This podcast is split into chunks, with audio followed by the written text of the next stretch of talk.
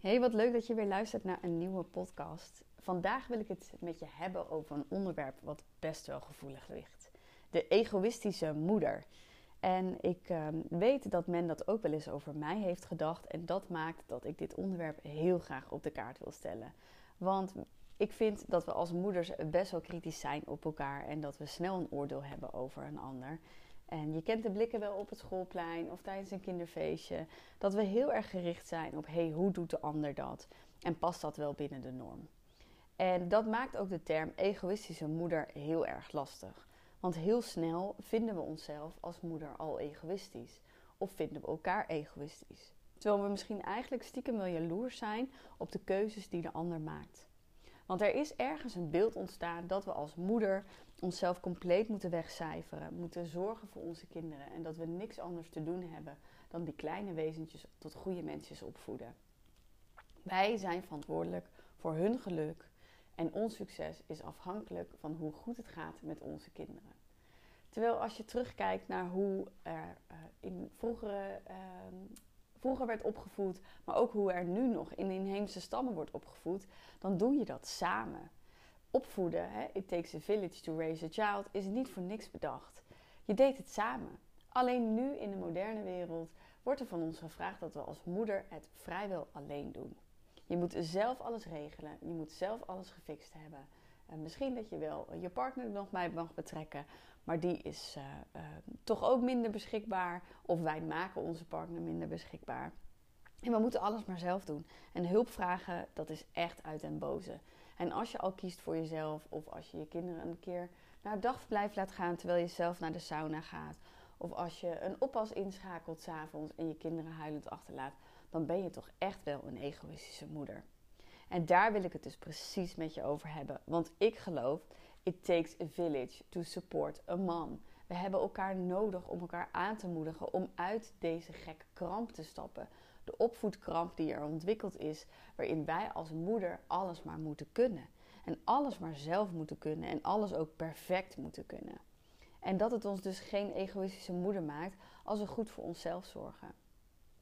Want wist je dat 66% van de werkende moeders geen ruimte meer ervaart voor zichzelf? Dat ze naast het moederschap, het huishouden, haar werk gewoon nul ruimte ervaart voor zichzelf. En dat maakt dit tot, dit tot best wel een groot probleem. Wat we zelf in de loop van de jaren hebben ontwikkeld. Maar wat we dus ook zelf weer kunnen veranderen.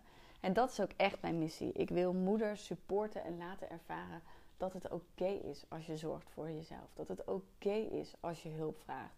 En dat het oké is als je het even niet weet. Je hebt geen handleiding bij het moederschap gekregen.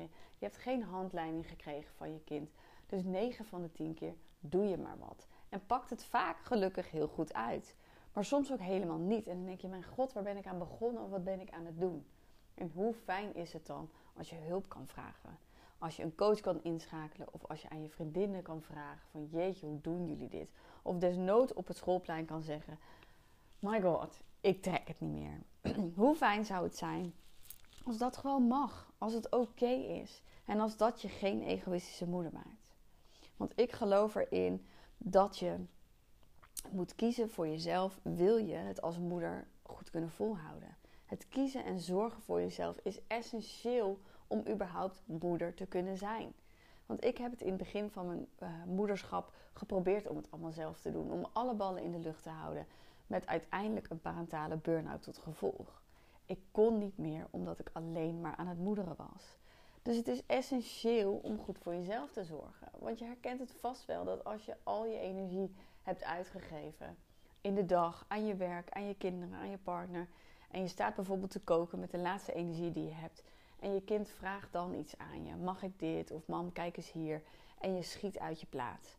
Je reageert niet zoals je zou willen reageren. Je bent snibbig, je snauwt.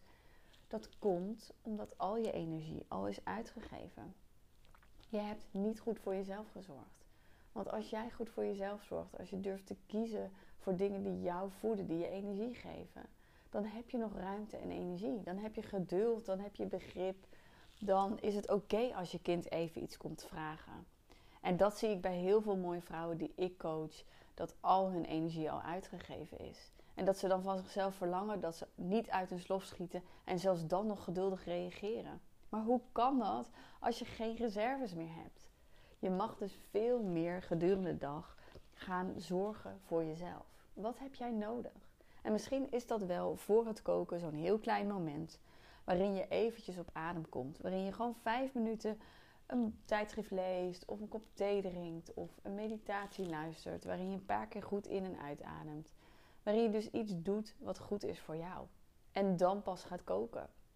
Of misschien haal je wel vijf minuten later de kinderen van het dagverblijf op, omdat je eerst even buiten gaat staan in het zonnetje. Het zijn dat soort keuzes die je mag maken. En het wil niet zeggen dat je je leven meteen 180 graden moet omgooien. Hè? Het wil niet zeggen dat je nu je tas moet pakken en de wereld moet rondtrekken. Het zit hem vaak in hele kleine dingen, waarin je juist goed voor jezelf kan zorgen. En daarmee begint het te weten wat goed is voor jou. En wat zijn jouw waarden? Wat is voor jou belangrijk? Wat zijn je behoeftes? Waar verlang je naar? Want als jij leeft in sync met jezelf, met wie jij bent, dan kun je daarin ook betere keuzes maken. Het begint met weten wie je bent en wat je wil. En dat is voor iedereen anders. Voor de een is leven in sync met zichzelf dat ze heel veel ruimte heeft in haar agenda. Dat ze heel vaak uh, alleen ergens naartoe gaat zonder de kinderen. Of dat ze uh, met vriendinnen op pad gaat. Voor de andere moeder is dat juist, ik wil zoveel mogelijk me-time, alleen zijn. Of juist geen uh, prikkels en vriendinnen om me heen. Ik wil een dagje alleen naar de sauna. Of ik wil heel graag die tekencursus oppakken die ik altijd al wilde doen. Of heerlijk dansen in de woonkamer met de kinderen. Want ook zorgen voor jezelf kan ook samen met de kinderen. Door te kiezen waar jij blij van wordt. Door activiteiten samen te kiezen waar jij blij van wordt. Maar er is niet een one size fits all. Er is niet doe dit, stap A, dan B en dan C en dan krijg je het resultaat. Het begint met jouw unieke blauwdruk. Wat past bij jou? Waar word jij blij van als moeder? En het is zo mooi als je als moeder dat weer kan voelen. Wat deed je voordat je kinderen kreeg? Wat stond er altijd al op je bucketlist? Wat wilde je altijd al een keer doen of ervaren? En ga dat weer eens doen. Begin weer met een eerste stap. Vraag dus die oppas. Of vraag je partner om uh, een avond met de kinderen te zijn. Vraag die vriendin of zij misschien de kinderen mee wil nemen uit school en met ze wil lunchen. Of vraag je moeder een extra keer om te komen oppassen, ook al komt ze al heel vaak. Durf je uit te spreken naar vriendinnen hoe lastig of pittig je het soms vindt. Of waar je mee worstelt en vraag advies. Want door te voelen wat jij wil en kwetsbaar hulp te durven vragen, maak je ruimte voor de dingen die belangrijk zijn voor jou. Want als jij je batterij hebt opgeladen, kan je ook weer zorgen voor de ander. En het maakt je niet egoïstisch. Vaak als wij als moeder elkaar bekritiseren over dat het misschien egoïstisch is als de kinderen naar het dagverblijf gaan terwijl wij in de sauna liggen, is het eigenlijk een onderdrukt verlangen van die ander. En zijn we misschien wel jaloers dat deze moeder die keuze wel durft te maken en wij zelf niet? Dus als je de volgende keer oordeelt over een medemoeder en je merkt dat je gedachten hebt als jeetje dat ze dat doet of eh, nou belachelijk, hè, dat hoort toch niet als moeder of eh, nou wat ben je een slechte moeder als, voel dan eens bij jezelf, hé hey, wat zegt dit over mij? Heb ik misschien eigenlijk een onderdrukt verlangen of een onderdrukte behoefte waar ik gehoor aan mag geven? Mag ik zelf misschien vaker wat meer kiezen voor mezelf? Mag ik misschien zelf vaker meer om hulp vragen? En de juiste keuzes maken, zodat ik de dingen kan doen waar ik energie van krijg. En wie weet kan je zelfs die andere moeder een compliment geven. Voor het feit dat zij zo dapper is om deze keuze te maken. Want dat is waar we van groeien. Dat is waar we deze opvoedkramp mee kunnen shiften. Door elkaar complimenten te geven. Door te vertellen hoe dapper we zijn. Dat we het maar iedere dag weer gewoon doen. En iedere dag weer proberen. En dat we honderd keer onderuit gaan. Maar toch weer die 101ste keer weer opstaan. Want dat is wat we nodig hebben: support van de other moms. We zijn samen. En het maakt ons niet egoïstisch als we keuzes maken. Het maakt ons inspirerend dat we durven te kiezen voor onszelf. En dat we durven te leven in sync met wie wij zijn. Want vergeet niet hoe meer verantwoordelijkheid je draagt, hoe meer selfcare er nodig is. Weet je, toen je nog geen kinderen had, toen zorgde je prima voor jezelf. Had je misschien een hele drukke baan En ging je in de avond en in de weekenden goed voor jezelf zorgen. Maar nu komt er nog meer verantwoordelijkheid bij. Dus naast je drukke baan heb je ook nog de zorg voor je kinderen en de verantwoordelijkheid voor hun leven. Zo voelt dat. Dus het maakt ook hoe hoger de verantwoordelijkheid, hoe hoger de selfcare op je lijstje mag. Want je houdt het niet vol om alle ballen in de lucht te houden als je niet ook goed zorgt voor jezelf. Ik kijk naar topsporters, hoe zij leven. Ze leven helemaal in, in, in band van de sport, dus alles moet daarvoor wijken. Ze zorgen zo goed voor zichzelf dat ze deze topprestatie kunnen leven, leveren. En, en wat ze doen is letterlijk inderdaad zo goed voor zichzelf zorgen. Hè, door, door te trainen, te slapen, te eten, slapen, eten, trainen. Er zit zo'n cyclus in. Ze zorgen zo goed voor zichzelf dat ze letterlijk een topprestatie kunnen leveren. En het moederschap is ook een topprestatie. Want je bent niet alleen maar moeder. Je bent nog zoveel meer dan dat. En al die ballen in de lucht houden is topsport. Dus zie jezelf dan ook als een topsporter. Die dus heel goed voor zichzelf mag zorgen.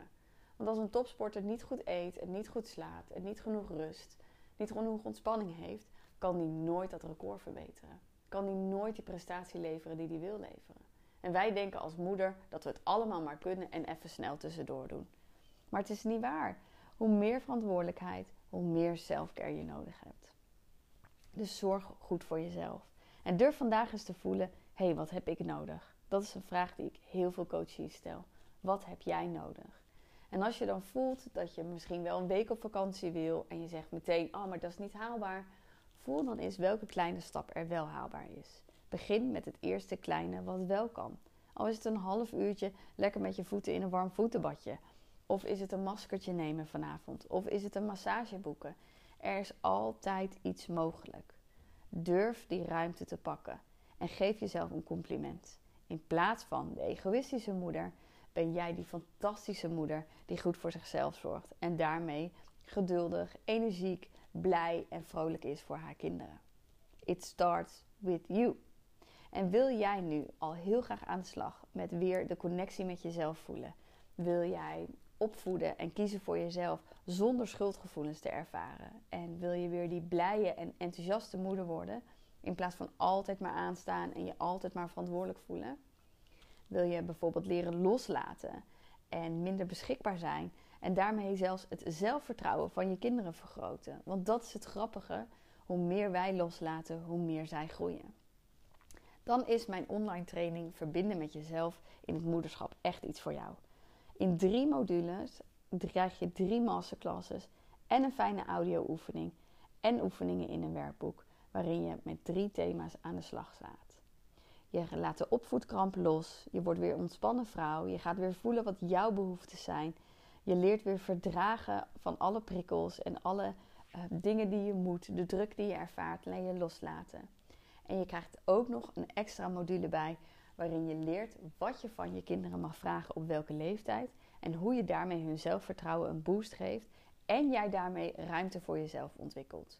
Want hoe meer jij loslaat en zij zelf kunnen dragen, hoe blijer je kinderen en hoe meer ruimte er is voor jou. Wil jij hier nu al mee aan de slag? Dan kijk even bij de informatie in de show notes of kijk even op mijn Instagram of mijn website, want deze online training is nu maar voor 24,95 beschikbaar. En dan kan je direct in jouw eigen tempo aan de slag met het ontspannen moederschap. Ik wens je een hele fijne dag en vooral heel veel fijne keuzes voor deze fantastische moeders die toch maar even flikken.